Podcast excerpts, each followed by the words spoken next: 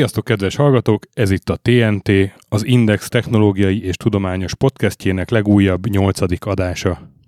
Mellette vittül műsorvezetőtársam Hanula Zsolt, azaz Hancu. Hello. És Tökker Gábor Stöki vagyok, és nagy-nagy szeretettel köszöntjük mai vendégünket, Csillik Leventét, a Müncheni Műszaki Egyetem mérnök hallgatóját. Sziasztok!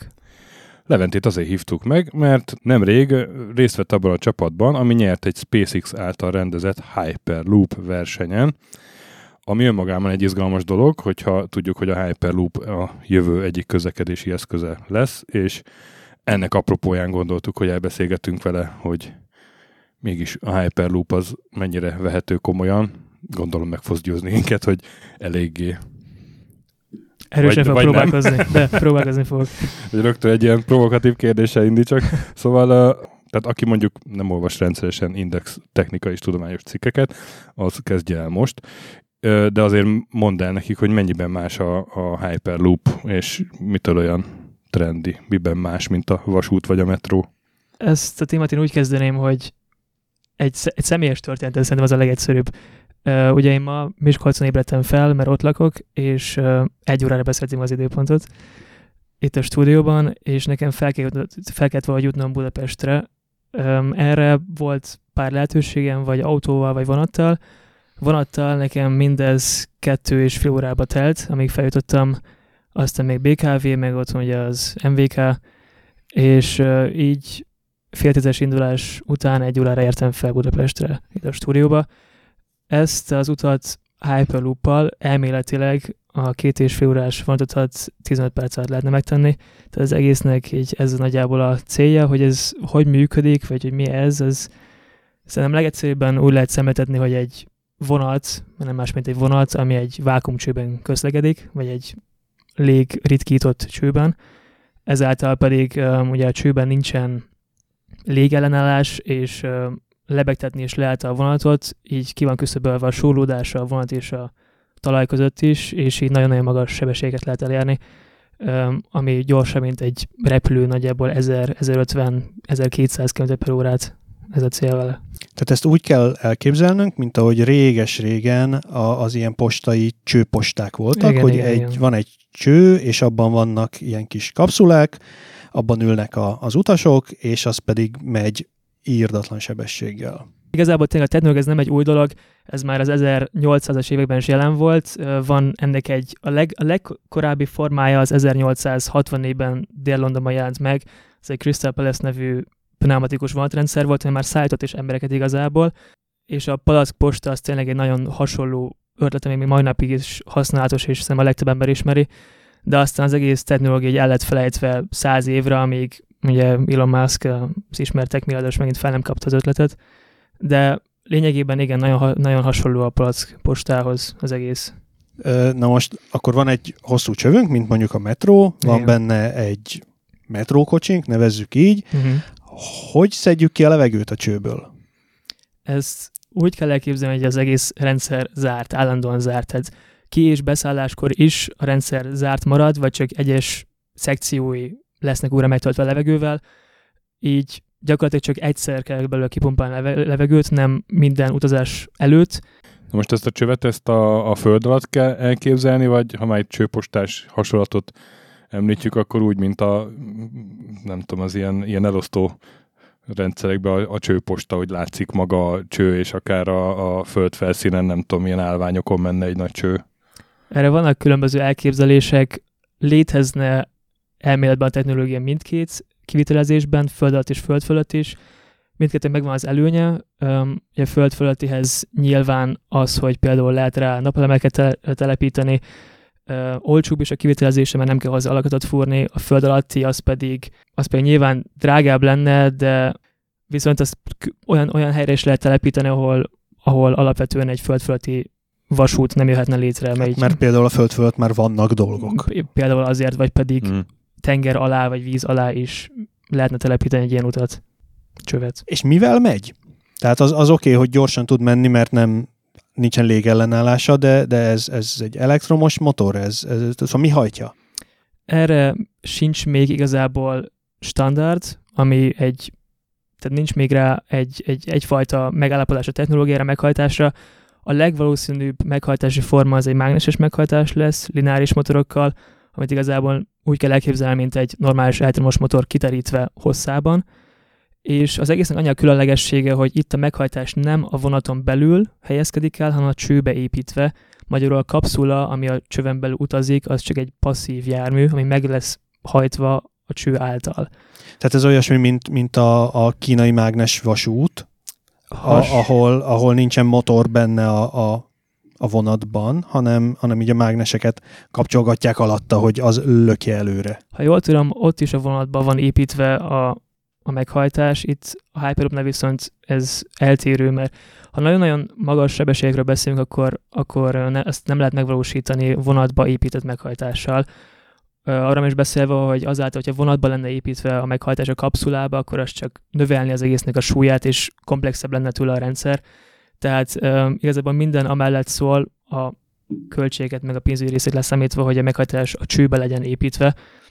Uh, ennek a még egy oka van, pedig nem más, hogy igazából a Hyperloopnak az a lényege, hogy túllépjünk a közlekedés, vagy az út során minden, um, minden ellenálláson. A légellenállás, a mechanikus súrlódás, és elméletben ez úgy néz ki, hogyha a kapszula az útnak a legelején egyszer fel lesz gyorsítva, akkor, akkor mivel nincsen semmilyen ellenállás, ezért az út végéig veszteség nélkül konstant sebességgel tud haladni. Magyarul nem szükséges hozzá energia befektetés, hogy... Elég egyszer nagyon meglökni igen, az elején, és azzal nagyjából. megy végig. Persze ez a valóságban nem teljesen működik, mert vannak mindenféle veszteségek, vannak kanyarok, vannak emelkedők, meg lejtők, de nagy vonalakban ez így néz ki. Most egy mondod, hogy kanyarok 1000 kilométeres sebességnél lehet egyáltalán kanyarodni? Lehet kanyarodni, persze ki kell előre számolni, hogy mik azok a kanyar ívek, meg azok a méretek, amikkel meg lehet egyáltalán valósítani, hogy ne legyen túl megterelő az utasok számára sem, de igen, lesznek kanyarok. Uh, folyamatosan jövő időben beszélsz, meg megmondod, hogy e- erre még nincsen standard, stb. Tehát akkor azt most így szögezzük le, hogy ez az egész Hyperloop, ez, ez hol tart most így az elmélet és a gyakorlati megvalósítás között? Um, pillanatnyilag léteznek már hozzá cégek, akik elkezdtek ezen aktívan dolgozni, viszont még nincsen emberszállításra vagy áruszállításra alkalmas Hyperloop útvonal. A legelől járó cég az a Virgin Hyperloop, és a HTT, akiknek már Ez van... A köze van a Virgin Galactic, igen, meg igen, a, igen, az egész Virgin csoport. birodalomhoz. Igen, az a Richard Bransonnak a cége. És nekik már van egy tesztpályájuk Nevadában is, Las Vegas mellett, és aláírtak egy szerződés már egy indiai, az indiai um, kormányjal, és a tervek szerint nem sokára elkezdik építeni az első öm, pályát, ami embereket fog szállítani két nagy indiai város között. A másik az pedig a HTT, ők pedig a 2020-as Dubai Expo-ra fognak építeni egy 10 km-es pályát, ami valószínűleg az az első ö, leghosszabb pálya, ami valaha épült a Hyperloop története során. Ezzel beszélek róla mindig jövő időben, mert igazából sokan dolgoznak már rajta, viszont még senki nem tartott, hogy, hogy tényleges áru vagy hmm. emberszállításról lehessen beszélni.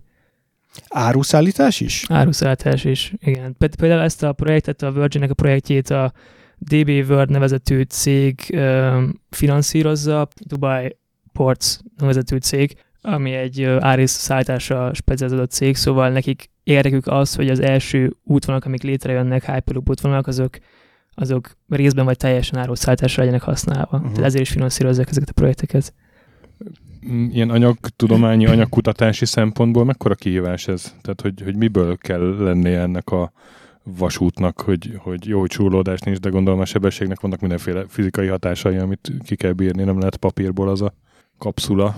Persze, itt a legnagyobb kihívás egyértelműen, hogyha az anyagtudományi részét nézzük, a maga a cső, mert um, egyrészt hatalmas költségekről beszélünk, az eddig legjobban elterjedt, vagy leg, népszerűbb megoldás az acélcső, az egész csövet acélból építik. Például a SpaceX tesztpálya is acélból van, és a, a Virgin Hyperloop is, viszont költség kímélés szempontjából előnyösebb például betonból építeni ilyen csövet, és azért is kísérleteznek másokan. Szóval ez, ez se egy, ez még nem dölt el egyáltalán, hogy ez, hmm. ez hogy fog teljesen kinézni, meg hogy egyáltalán mekkora lesz a mérete, még erre sincsen, erre sincsen normális. Ezt akartam éppen kérdezni, hogy ez, ezt, ezt most ilyen metrókocsi méretben képzeljem el, vagy még kisebben, vagy, vagy, vagy egy repülőgép méretben. De ezek szerint erre nincsen nagyon még. Mi, Pont ez a probléma.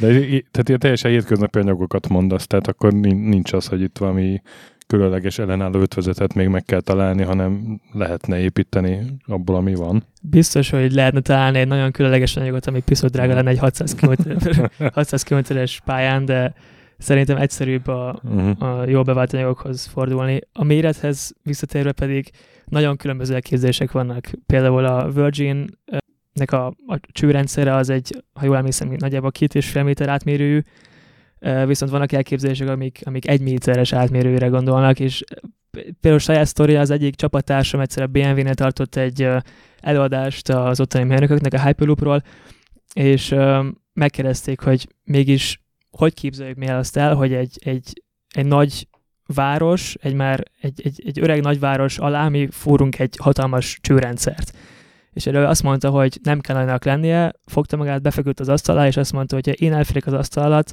akkor a csőnek se kell nagyobbnak lennie, mert maga az asztal. Mert igazából nem kell tudnunk ülni a Hyperloopban, hanem félig fekvével kell teljesen fekvésbe lehet benne utazni, főleg, hogy tényleg nem hosszú utazási időkről beszélünk. Tehát ez gyakorlatilag nem csak a, a, a repülőgépnek, vagy az ilyen hosszú távú vasutaknak lehet konkurenciája, hanem akár a metrónak, a hévnek? Nem igazán, mert hát ugyebár nagyjából 1000 km per órás sebességekről beszélünk, és ezt a sebességet normális körülmények között úgy, hogy ne legyen nagyon megterhelő a gyorsulás, tehát mondjuk egy busz vagy egy repülő gyorsulási értékeivel számolva valahogy fel kell gyorsítani erre a sebességre, tehát, hogy nem, nem lehet túl sűrűn a megálló, mert egyáltalán fel se tud gyorsulni, igen, mire már igen, a, igen. jön a battyánytér, és le kell szállni. Nagyjából Mi az a legkisebb távolság, ahol, ahol ez már elkezd hatékonyabb lenni, mint a mostani megoldások? Ha jól emlékszem, nagyjából 40 kilométer, ami, ami nem megéri, mert hát um, nem nehéz kiszámolni, hogyha mondjuk egy olyan gyorsulásra számolunk, egy 0,3 G, ugye G a gravitációs gyorsulás, ami mondjuk egy buszon is hat az utasokra, vagy egy, egy normális vonat út során, akkor felgyorsulni erre a sebességre nagyjából 15 kilométert vesz igénybe, nagyjából 90 másodperc. Tehát, hogyha, és hogy mi le is akkor, hogy lassulni erre a sebességre, akkor már majdnem 40 kilométernél vagyunk, tehát nem éri meg rövid távon használni, inkább ö, közepesen hosszú távolságokra, elméletileg 1500 km fölött már hatékonyabb repülővel utazni, vagy jobban megéri repülővel utazni, viszont... De miért? Elvileg a repülőnek is kb. ez az 1000 km az utazási sebessége, nem? 850 nagyjából, tehát igazából kicsikét lassabb. Ne, tehát, de akkor miért hatékonyabb a repülő, hogy ez, lassabb? Ez, ez a kérdés, nem tudok válaszolni. Erre is próbáltam utána járni, de ezt nem tudom pontosan. Tehát Elon Musk a white paperben azt írt, hogy 1500 km-ig érdemesebb Hyperloopot használni, és utána pedig repülőt. De miért? Azt sem nem tudom. Ennek még utána nekem is járom. Hát valószínűleg ezeken a nagyon nagy távokon már a, a magának a csőnek a kiépítési költsége lehet, nem, nem lehet. tud annyira hatékony lenni, meg ilyesmi. Arról van esetleg infót, hogy jó, hát ennek a csőnek nem kell túl nagynak lennie, de, de hogy, hogy érzékeny ebbe ilyen tektonikai mozgásokra, ilyesmire? Pont ez igazából a föld fölötti cső építésünk az egyik nagy előnye, hogy hogyha mm. pillérekre van építve a cső, akkor meg lehet ezt oldani, hogy ellenálló legyen a földrengéséggel mm. szemben is. Um, még ezt a föld alatt nem, nem nagyon lehet kivételezni, meg egy, egy normál vasút rendszernél sem nagyon. Szóval ez egy még nagyon nagy előny. Mi igazából a, a, a nagyobb probléma itt? Az, hogy technológiailag összerakni az egészet, vagy az, hogy ez iszonyú drága? A legnagyobb kihívásai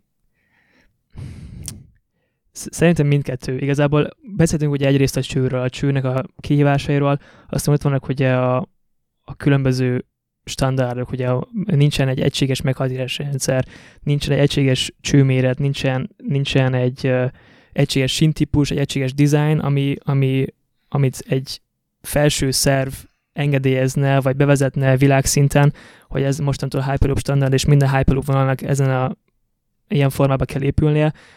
Minden mellett pedig ott van például a vízkerátok, még arra sincsen megoldás, hogy egyáltalán az emberek megbízzanak annyira az egész technológiába, hogy belemerjenek szállni, és elhiggyék azt, hogy ez biztonságos, és nem fognak megfulladni a csőbe, hogyha valami baleset történik, vagy nem is tudom. Ez, um, viszont ugye, hogy a, a business case, vagy a pénz része is egy hatalmas kérdés, mert még nincsen pontos összeg, ami azt leírná, hogy ez mennyibe fog kerülni, és azt se tudja igazából senki, hogy honnan fog jönni a pénz hozzá. Ezt pont akartam kérdezni, hogy, hogy a vészfékezés az hogy, hogy, hogy néz neki a Hyperloopon. E, egyébként valószínűleg erre fogom most a dolgozatomat, szóval még jól át kell gondolni ezt a kérdést, de az elképzelés az az, hogy lennének lezárható szekciók a csőben, tehát bizonyos időközönként le lehetne zárni Aha. a teljes szekciót, és azt a részt megtölteni levegővel, meg esetleg egy vészkiárat rá, mert ahol az emberek is ki tudnak uh-huh, uh-huh. mászni a csőben mondjuk. Ez egy nem, nem túl nehezen kivételezhető megoldás szerintem. És de egyébként azt jól gondolom, hogy attól, hogy, hogy zárt rendszer, hogyha minden működik, akkor elviekben biztonságosabb lenne, mint a bármi más, mert hogy a metró elé ugranak, meg nem tudom, de itt, itt meg erre nem lenne lehetőség. Igen. Nincsenek pályatalálkozások, mm. ilyenek. Igen, sokan, sokan ezt említik a legnagyobb előnyeként a Hyperloopnak, nem is a sebességet, ugye az, hogy nincs egy légenállás, hanem az, hogy igazából egy könnyen ellenőrizhető és felügyelhető rendszer, mert teljesen zárt, nincsen. Egy kisgyerek, aki befut a sínre, nincs egy madár, aki berepül a rendszerbe, nincs egy autó, aki át tud menni a kereszteződésen, tehát egy teljesen zárt és tényleg könnyen felügyelhető rendszer, ahol a legkisebb idegen szer, vagy, vagy a legkisebb rés, a, rés a csövön is már könnyen észrevehető, és emiatt nagyon biztonságos, és nem is, nem is függ az egész egyáltalán az időjárási jelenségektől, mert nem hat rá az eső, nem hat rá a fagy, a szél, a napsütés, mert teljesen zárt. Viszont most, hogy mondod, hogy a legkisebb rés a csövön, tehát akkor itt van egy 40 és 1500 km közötti csővezeték, amit olyan szinten kell karbantartani, hogy sehol rajta egyetlen milliméternyi rés se legyen, ahol beszökik a levegő, vagy kiszökik a vákum, mert különben megáll az egész, vagy balesetveszélyes lesz? Vagy mi történik, hogyha levegő megy a, a, a csőbe? Akkor valószínűleg megáll a rendszer. Tehát uh-huh. ez, ez, a, ez a koncepció. De igen, ez egy nagyon, nagyon nehezen uh, kiküszöbölhető probléma. Uh, ez például a föld alatti rendszernek az előnye, mert ott egyszerűbb megoldani a rendszernek a szigetelését, vagy egyáltalán azt, hogy uh, megtartsa a légritkított teret. Sokat többet én sem tudok mondani hozzá eddig. Most egyre fontosabb szempont a közlekedésben, hogy mi mennyire zöld. A Hyperloop mennyire zöld? Lokális károsság kibocsátása nincsen. Az, hogy az áram honnan uh-huh. származik, ez egy ugyanolyan kérdés, mint az elektromos autóknál szerintem. Lehetséges, hogy egy színerőműből, uh-huh. de az mhm. is lehet, hogy a rátelepített napelemekből. Uh-huh. Tehát onnantól kezdve, hogy meg van építve a pálya, és ezt mondjuk egy uh, szél vagy egy napelemű látja el, teljesen zöld. Uh-huh. Az előbb kérdeztem, hogy, hogy itt a, a technológiai vagy a pénz akadály a nagyobb. A pénz akadály az mekkora? Tehát mennyibe kerül mondjuk, nem tudom, egy kilométer ilyen cső felépítése, ami valószínűleg a, a, a legdrágább az egészből? Igen, szóval az első becslés, ami, ami napvilágot látott, az ugye Elon Musk-nak a becslése, amit én személy szerint nagyon hát nem tartok realisztikusnak, meg igazából a nagy többség nem tart realisztikusnak. Ez egy... Uh, ne alulbecsülte? A jó Ilon? Igen, elég durván alulbecsülte. Szóval ő 3 milliárd forint per kilométerre becsülte meg nagyjából az építési költségeket. Ugye ezt az egészet a Las Vegas, nem, Los Angeles, San Francisco 600 kilométeres távra lőtte be ezt az árat. Ebben elvileg benne van minden költség, beleértve a, a, a kapszulák költségét is.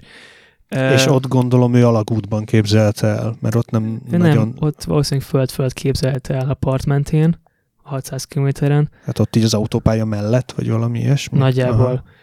Uh, léteznek ugyan más becslések is, például kettő európai becslés, uh, ezek szerint 12 milliárd forint egy kilométer a föld fölötti pályára, és 20 milliárd a föld alatti pályára. Ugye nyilván, hogy a föld alatti pályánál hozzáadódik az is, hogyha alagutat kell ásni, stb. Szerintem valahol inkább itt mozognak az árak, mint 3 milliárdnál, viszont még így is egy maglevnek vagy egy, vagy egy transrapidnek a költsége alatt tud maradni egy ilyen pályának a kiépítése, hogyha tényleg sikerül ennyiben megvalósítani. Na most e, az egész technológiával magáncégek foglalkoznak leginkább, de valószínűleg ezeket az írtozatos pénzeket, ezeket államoknak kellene majd kiköhögni, hogy felépítsék a magukat a pályákat. Erről lehet bármit is tudni, hogy vannak, ahol így, így állami szinten érdeklődnek olyan szinten a, a, a technológia iránt, hogy azt mondják, hogy igen, hogyha ezt megmutatjátok, hogy működik, akkor mi már el is kezdjük ásni? Amiről én tudok, az az indiai kormánynak a partner kapcsolat, vagy a Virgin Hyperloop-pal. Dubajban nem tudom, hogy állami szinten működik az egész, vagy egy, vagy egy magáncég kötött uh, szerződést a HTT-vel, de igen, Indiában az, az biztos, hogy az indiai kormány, uh-huh. aki ezt támogatja. Uh-huh.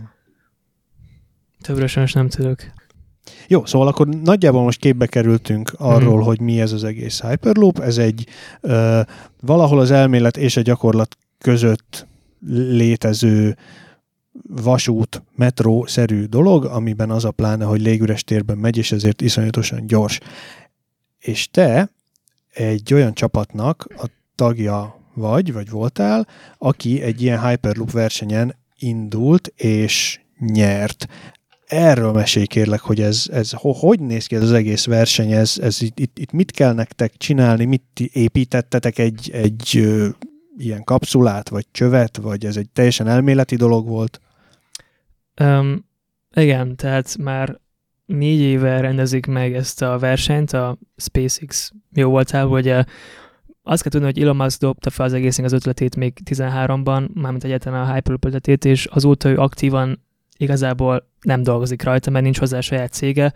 Ott van a Boring Company, aki a, igazából a alagút fúrása foglalkozik, de még nem direkt a Hyperloop-pal, és az egyetlen, amit Elon Musk tett, az az, hogy megrendezte ezt a versenyt évente egyetemistáknak, és a végcélt ennél a versenynél uh, annak tűzte ki, hogy uh, a hangsebesség felének a az elérése egy saját készítésű kapszulával. Ami Ez egy ilyen 600 617 km per óra, igen.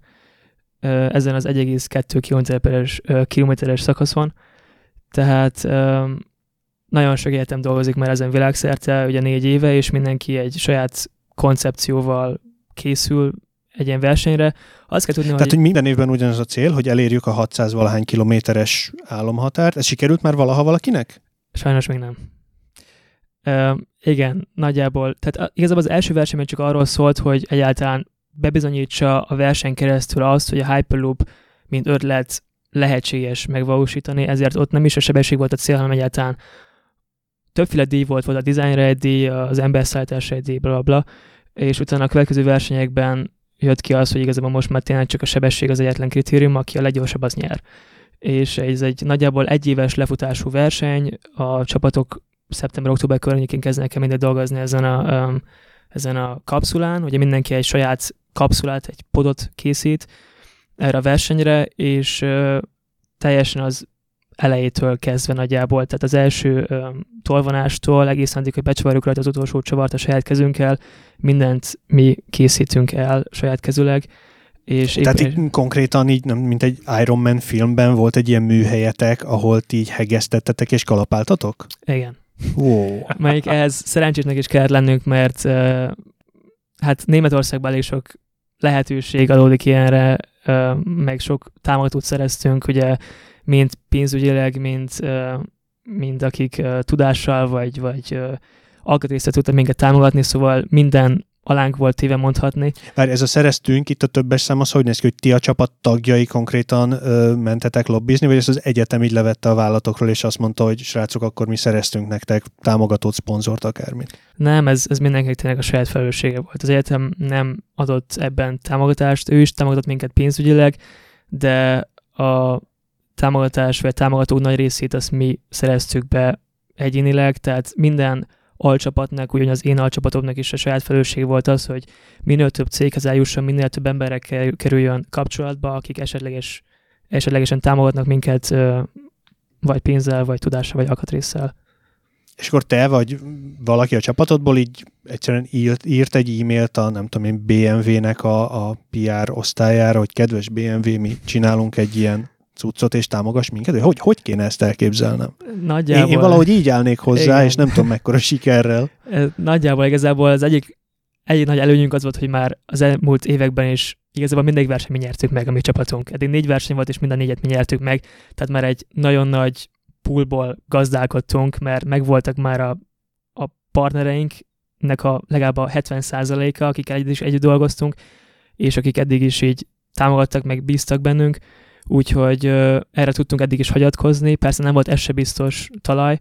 Az új cégek azok pedig, hogyha sok helyre hívtak meg minket például eladást tartani, ahol új emberekkel kerültünk kapcsolatba, ahol új partner kapcsolatok jöttek létre, vagy pedig um, expókon, ahol mi kerestük fel egyengített cégeket, akik esetleg um, érdekeltek ebben az egész témában, és támogatnának minket, vagy pedig egy egyszerű e-mail, amikor vettünk egy alkatrészt, és ahelyett, hogy először csak kifizettük volna az árát, megkérdeztük, hogy mi lenne, ha ezt ingyen kapnánk meg, mert mi ezen és ezen dolgozunk, és lehet, hogy nektek is olyan egy, egy szponzor, szponzor egy szponzor kapcsolat. Ezt hogy képzeljem, mert mekkora a csapat? Hány ember? Um, összesen 50, viszont ez két részre oszlik, mert van egy csapat, egy 30 fős, 30 fős csapat, aki, aki a versenyre építi ezt a kapszulát, és van egy nagyjából 20 fős uh, csapat, aki, aki um, aki kutatással foglalkozik, ők ebben az évben például egy miniatűr Hyperloop komplet rendszert építettek meg, tehát vákumcsővel és benne közlekedő mágneses alapon közlekedős lebegő vasúttal, tehát ők ezen dolgoztak egy, egy, egy makettet? Gyakorlatilag? Egy, egy, egy makettet, igen, egy nagyjából 20 méter hosszú csövet építettek meg. Uh-huh. Nagyjából nem is tudom, 30 cm átmérő csővel én azt próbálom így elképzelni, hogy, hogy, hogy tényleg a gyakorlatban hogyan működik ez, hogy, hogy ott van a feladat, hogy építsünk egy, egy metrókapszulát. Hol, hogy áll hozzá ehhez az ember? Hogy áll neki? Ott van előttem a papír, és akkor rajzolok egy, egy hasraütésszerű formát, hogy na ez majd jó lesz? Vagy, vagy, vagy, vagy, vagy hogyan? Te se figyeltél sokat fizika órákon, ugye? Hát igen, sötét foltok a múltamban. Szerintem itt is többféle megközelítési módja van a témának. Egyrészt megint előny az, hogyha az ember már több éve dolgozik rajta, mert akkor nyilvánvalóan alapnak vesszük elsősorban az előző rendszert, amit tovább akarunk fejleszteni, ezért nem dobunk ki belőle mindent, mármint hogy fejben, hanem megtartjuk azt, ami működött, ami jól működött, és lehet tovább használni erre, mert lehet építeni. Viszont egy teljesen új rendszerről van szó, akkor, akkor szerintem érdemes azzal kezdeni, hogy a leg az egzisztenciális rendszereknek a, a, az el, a, egyáltalán az, hogy tehát kitalálni egyáltalán az alapvető rendszereket a, a podon belül, például a meghajtás, az mindig, az meghatározza tényleg az egésznek a kinézetét, meg a működési formáját, a méretét, a súlyát, és hogyha már ez eldől, akkor, a, akkor lehet hozzáépíteni a többi szükséges alkatrészt, vagy, vagy elemet, ami, ami az egészet összetartja, például a, a vázat. Aztán jön hozzá a fékrendszer, jön hozzá az elektronika, ami szükséges. Tehát igazából lépésről lépésre halad. Ez nálunk is nagyon látszott, hogy például az én rendszeremre, meghatás rendszer épült a komplet vázrendszer. És a vázrendszert egészen addig nem tudták elkezdeni megtervezni, amíg én nagyjából be nem fejeztem a munkámat. Tehát ez egy igen, tehát te a meghajtás alcsapatnak volt a vezetője igen, ebben, igen. A, ebben a projektben, és tehát akkor hasonló kérdésem lesz, mint Antunak, hogy, hogy hogyan tervezel egy meghajtást egy Hyperloop járműhöz? Ez, ez megint egy viszonylag speciális kérdés, éppen azért, mert eddig is arra beszéltünk, hogy Hyperloop, vákumcső és, és mágnesesen van meghajtva és lebeg a rendszer, Viszont mi kerekeken gurultunk, ami elsőre mindenkinek egy, egy vicces dolog, mert akkor miért, miért, vagy miért gurulunk kerekeken? Hát azért, mert nekünk egy 1,2 kilométeres csövön kellett végigmennünk olyan gyorsan, amennyire lehet, és egy ilyen méretű csőben a mágnes meghajtás teljesen alkalmatlan, mert egyrészt nem olyan nagy a gyors, nem lehet olyan nagy gyorsást elérni vele, mint egy mint a kerekekkel mechanikus meghajtással, másrészt pedig rengeteg akkumulátor kell hozzá a kapszulába építve, ami az egész súlyt csak megnöveli. Tehát nagyjából kétszeres a súly leg, legalább. Na de hogyha egy, egy itt, uh, ugye élesben azért nem kerekeken menne ez. Ez nem kerekeken Tehát, menne, hogy igen. akkor a, az így elért eredmények mennyire adaptálhatók a későbbiekben? Hát a, ez, a, ez a rendszer például nem igazán adaptálható. Ah. Lehet használni ezt például egy, egy vészrendszerhez, amikor nem működik a, a lebegtetés, hanem mm. mondjuk el kell gurulni valahova a kerekeken, ahhoz lehetne például használni. De ez, amit mi építettünk, ez tényleg speciálisan erre az egy pályára épült, és éppen ezért fáj is néha a szívem, mert hiába dolgozunk a Hyperloopon, mégsem teljesen azért a végcélért dolgozunk, ami, mm. aminek, ez, aminek ez, en, en, tehát hogy ennek egyszer kini kéne néznie. Mert azzal meg kell várni a Virginnek, a, meg a több, aki még csinálja a Igen. nagy teszt útját. Na, minden esetre mondj egy számot, milyen sebességet tudtatok elérni? 482 km órával sikerült mennünk. Ez soknak tűnik, viszont úgy szintén fáj a szívem. Soknak tűnik! Mert, mert szerint ez tényleg sok. De az a baj, hogy tényleg Ismerek olyan embereket, akik, akik azt mondanák erre, hogy ez sok. Igen, ez tényleg sok, viszont, viszont mi egész évben azért dagasztunk, hogy 600-zal menjünk, vagy több mint 600-zal, ami tényleg többszörös rekord lett volna világszinten, mert ez lett volna egyrészt a valahogy leggyorsabb vonat a világon, a leggyorsabb Bár, így, így jármű. nem. De így, nem. Is, így is rekord volt, nem? Nem, a 600, hát Hyperloop rekord, igen, de a leggyorsabb vonat az mindig 603 hmm. km per óra, egy japán vonat. Szóval, um, igen, a rendszerünk képes lett volna rá a szimulációk és a mérések, meg a tesztek alapján, hogy nyilván mondhatok bármit, hogy nincsen kézefogható bizonyítékra, de um, sajnos közben pár technikai hiba, és ezért nem mértük el a 600 És akkor majdnem 500-al ment a járművetek, megkaptátok az első helyet, és ott ültetek elszontyolodva? Nagyjából így kell elképzelni, igen. Mert hát igen, ez tényleg egy egyéves munka, egy, és egy, egy lehetőség van arra, hogy bizonyítsuk Aha, ott, hogy, hogy mennyivel tudunk menni, és uh, hát egyrészt örültünk, mert nem voltak biztosak benne, hogy egyetem működni fog, mert nagyon-nagyon sok hiba lépett fel az előtte lévő napokban, versenyelőtti napokban. Másrészt meg ugye egyszer nevetünk és sírtunk, mert 600 volt a cél, mindvég ezért dolgoztunk, és ezt nem sikerült sajnos elérni. A második helyzet az mennyit tudott? Hát az a két évvel ezelőtti rekordunkat se tudtam megdönteni. Nagyjából 200. Ó. Szóval igen, extrém meg a körülmények a versenyen, mert tényleg mindenkinek egy lehetősége van bizonyítani, és, és, ez, és ez nagyon kevés. Mert hogy nagyon-nagyon sok hiba felléphet egy ilyen Me- Mennyi során. csapat indult a versenyen egyébként? Tehát mennyi versenyzőből lettetek ti az elsők? Az össz létszámot azt nem tudom pontosan, tehát akiket tényleg ősz óta szelektáltak ki, valahol mm. nagyjából 70-80 csapat mm. lehetett. Azt tudom pontosan, hogy a döntőbe jutottak be összesen 21-en, és ebből a 21-ből válogatták ki a Testing Week során, ami a verseny előtti hét volt Los Angelesben, azt a négy csapatot, akik bejutottak a végső döntőbe, és a verseny napján ugye bekerülhettek a vákumcsőbe, és ott tudták megmutatni azt, hogy mennyivel tudnak menni. Uh-huh. Hogy ki volt a másik három? Tehát, hogy ő, ő ez, ezeket úgy képzeljem el, hogy tényleg a világ vezető műszaki egyetemei, ilyen MIT-k és caltech és hasonlók? Az MIT majdnem volt a döntőben, de sajnos nem jött össze nekik. Aztán ott volt Delft, Holland Egyetem, uh-huh. ő volt a második, meg kettő svájci Zürich és uh, Luzan. De Tehát igazából négy európai volt a döntőben. Konkrétan tényleg így a világ vezető műszaki egyetemei. Mondhatni, igen. Ez menő. és, és tehát, hogy miért nem jött össze ez a 600? Mondd csak. Hát, uh, itt vannak egyes titkok, amiket lehet, hogy nem kéne elmondanom, de maradjunk annyiba, hogy uh, tényleg Már így is... látom az MIT-seket, ahogy így a, a, a tapadnak a fülükkel, hogy na, na, na most, most elmondja, most Egy elmondja. Magyar um, tényleg nagyon sok műszaki hibával kellett küzdködnünk az utolsó pillanatokban is mondhatni. Um, nagyon komplex rendszerről van szó, és ezen nem ledegradálni próbálom azt, vagyis nem kimenteni akarom magamat a helyzetből, hogy miért nem jött össze, de tényleg egy borzasztóan nehezen kiszámítható és uh, sok tesztelés igénylő rendszerről beszélünk, ezért uh, nem tudtuk pontosan, hogy, hogy uh, főleg az elektronikus rendszerben lesznek-e hibák mm. a versenyen, mert nem, már nem volt egyszerűen időnk és lehetőségünk tesztelni. Másrészt ezt nem szabad hivatalosan mondanom, mert nincsen rá bizonyítékom, és ezért ez inkább csak egy találgatás vagy sejtés, hogy lehetséges, hogy a csőépítő vagy a csőnek a karbantartó is uh, hibáztak a pályaépítése során, mert hát a, az útnak a végén a rendszerünk kisiklott, és ez nem vagyok benne teljesen biztos, hogy ez csak a mi hibánk. Szóval ez is közre játszott az egészben. Uh-huh. Tehát ez Los Angelesben volt a döntő. Igen, igen. És ti otthon Münchenben összekalapáltátok a, a cuccot, és aztán ho- hogy vittétek ezt ki? Hát ehhez is megvoltak a partnercégeink, akik az egész csomagot, ugye minden felszerelésünkkel, a szerszámok, az alkatrészek, ugye a tartékalkatrészek, meg az egész kapszula, amit építettünk, az kiszállították nekünk repülővel, meg hajóval.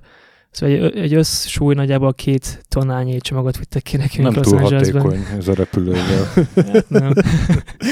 Két tonna, igen, az lehet, hogy már kézipodgyászban nem teszed fel. Igen.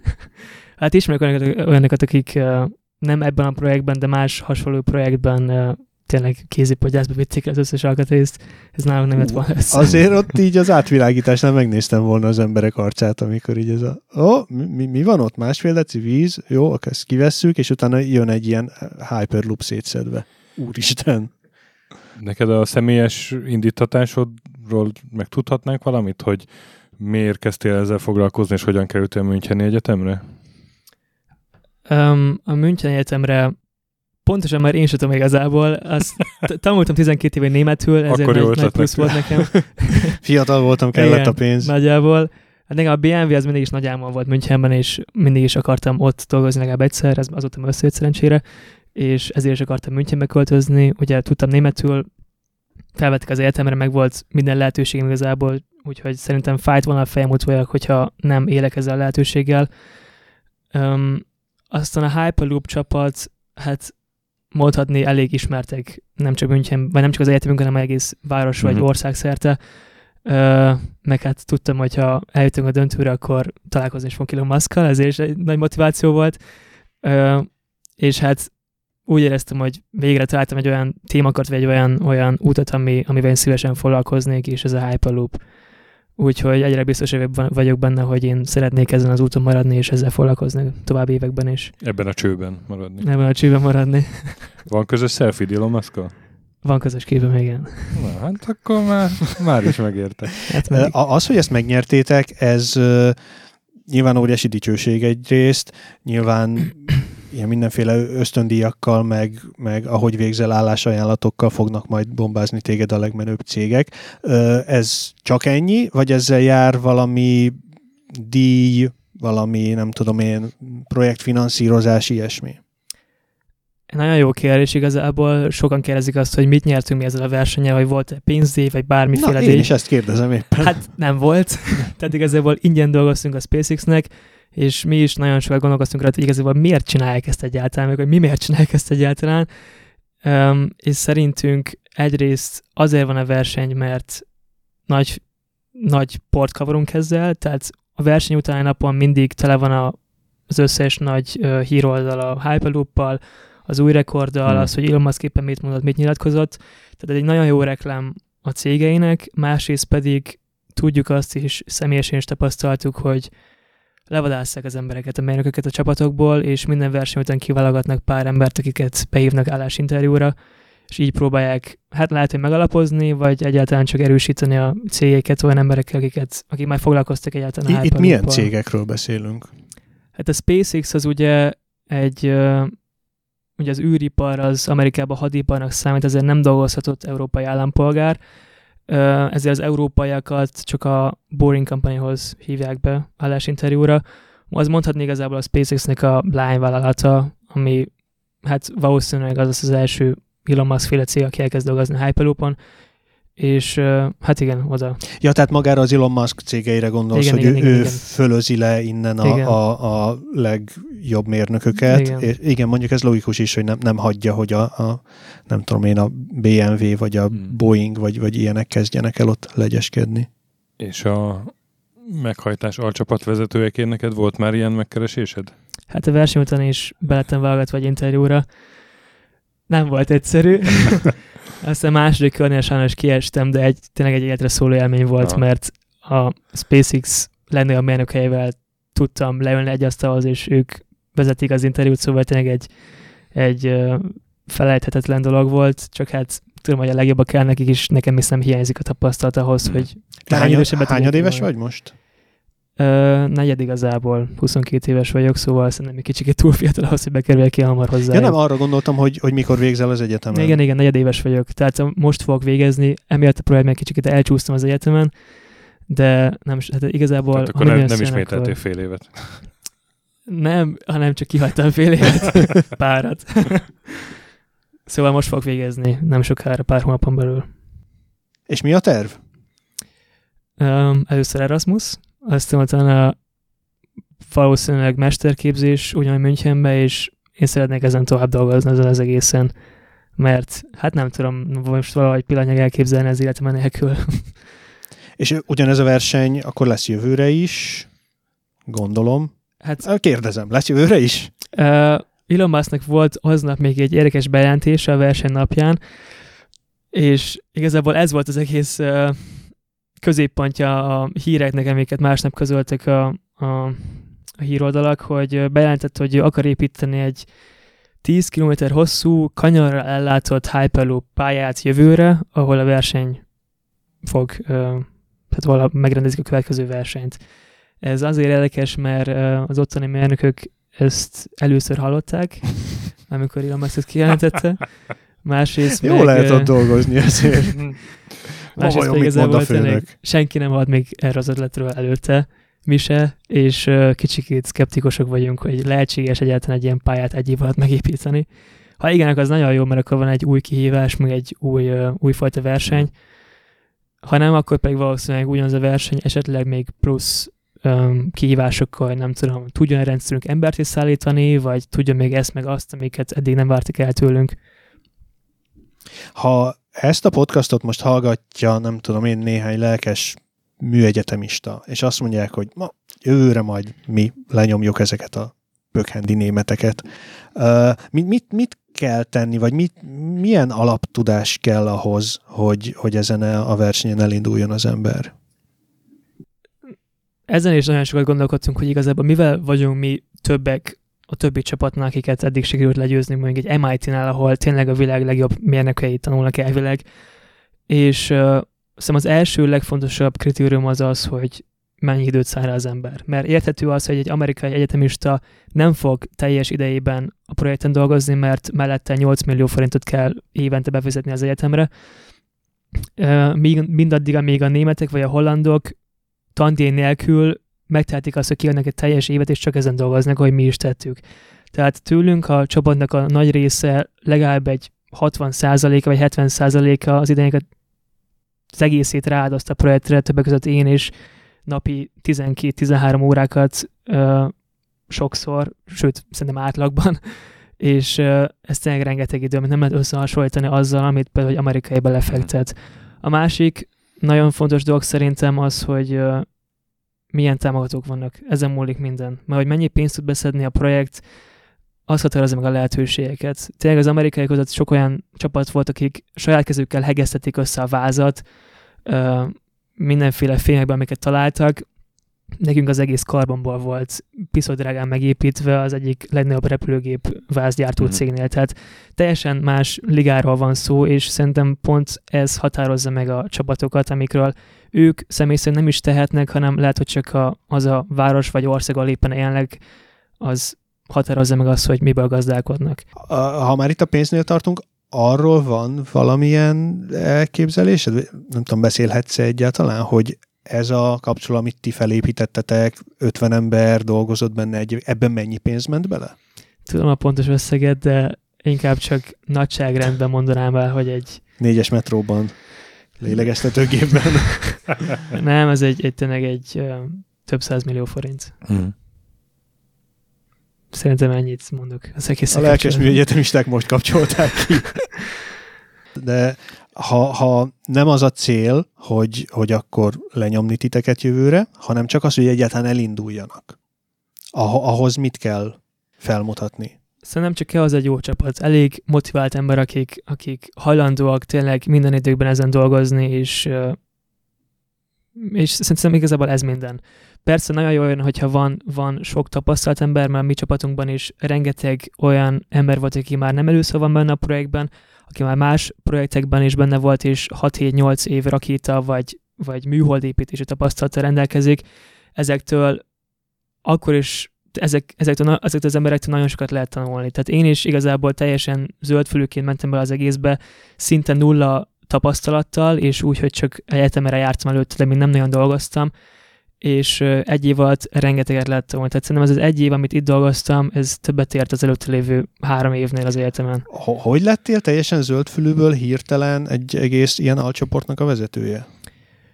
Ö, jó, azért, nem, azért már volt némi tapasztalatom, mert a BMW-nél szerencsére egy pont hasonló osztályon dolgoztam, ami a, ami a felfüggesztés, fejlesztésével foglalkozik, ami ugyanúgy egy, egy mechanikus, rugós rendszer, hmm. És ez kapóra jött, mert itt igazából Hyperloopnál szinte hát elég hasonló rendszerrel foglalkoztam, és, és, és ez megadta nekem a lehetőséget arra, hogy én legyek a vezető. Meg, hát nem tudom, látták bennem a lehetőséget, hogy ez, hm. én vagy el tudom vezetni a csapatomat. Uh-huh. Azzal kezdted, hogy a, a Miskolc-Budapest vasút helyett, hogyha Hyperloop lenne, az mennyi negyed óra alatt igen, érne igen. ide? Uh, mikor a tippeled, hogy negyed óra alatt fog ide érni? Ez még olyan kérdés, hogy nagyon nehéz megbecsülni. Szerintem... Meg fogod még élni? Vagy mi nem, az valószínű. nem tudom, mennyire szent a személyes véleményem, azt mondom, hogy legalább 10, de lehet, hogy 20 év. Uh-huh. Van egy egyes cég, akik azt mondják, hogy 2021-ben már lesz egy működős embert szállító pálya. Szerintem nagyon eltérők a vélemények, lehet, hogy való a kettő között. És tehát azon már gondolkodtál, hogy mert nyilván nem lesz Magyarország ilyen early adapter, de hogy ebben a régióban hol lenne értelme Hyperloop pályát építeni?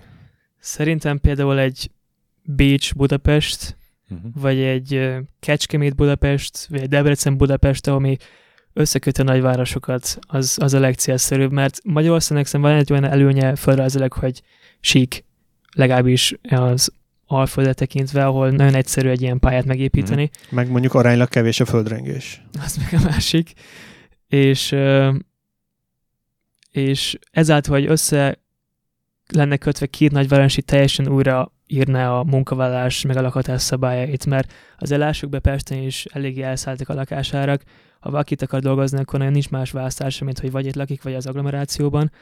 Hogyha meg lenne az, hogy 15 percet be tud élni Pestre, akkor lehet, hogy meg tudná tenni azt, hogy Miskolcon, akik is itt dolgozik. Kecskemétről ingázik. Az meg a másik, ja. Hmm. És ezért... Hát, hogyha negyed óra alatt lehetne beérni Miskolcról, én most Káposztás megyerről három negyed óra alatt érek be a Flórián térre. De hogy a Flórián térre? Az már elmúlt. Ide a, az indexbe. Szóval teljesen újraírná a gazdasági, meg munkavállalási szabályokat egy ilyen közlekedési forma. Hát Levente, akkor nagyon sok sikert kívánunk neked a következő versenyekhez, és masteredhez, és nem tudom, fejvadász interjúithoz. És ne felejts el minket, hogyha bármi érdekes dolgot csináltok még, akkor szóljál, és akkor az Indexen tudósítunk erről. És elfogadunk majd ajándékjegyeket a Miskolc Budapest nyugati Hyperloop. Bérletet, ajándék bérletet. Bérletet? Jó, jó. Jegyet a sajótól kérünk majd. Igen, a szigetre. Igen. Na, hát köszönöm szépen, megköszönöm a meghívást. Ti pedig, kedves hallgatók, legközelebb is tartsatok velünk. Körülbelül két hét múlva jelentkezik a TNT újabb adása. Sziasztok! Hello!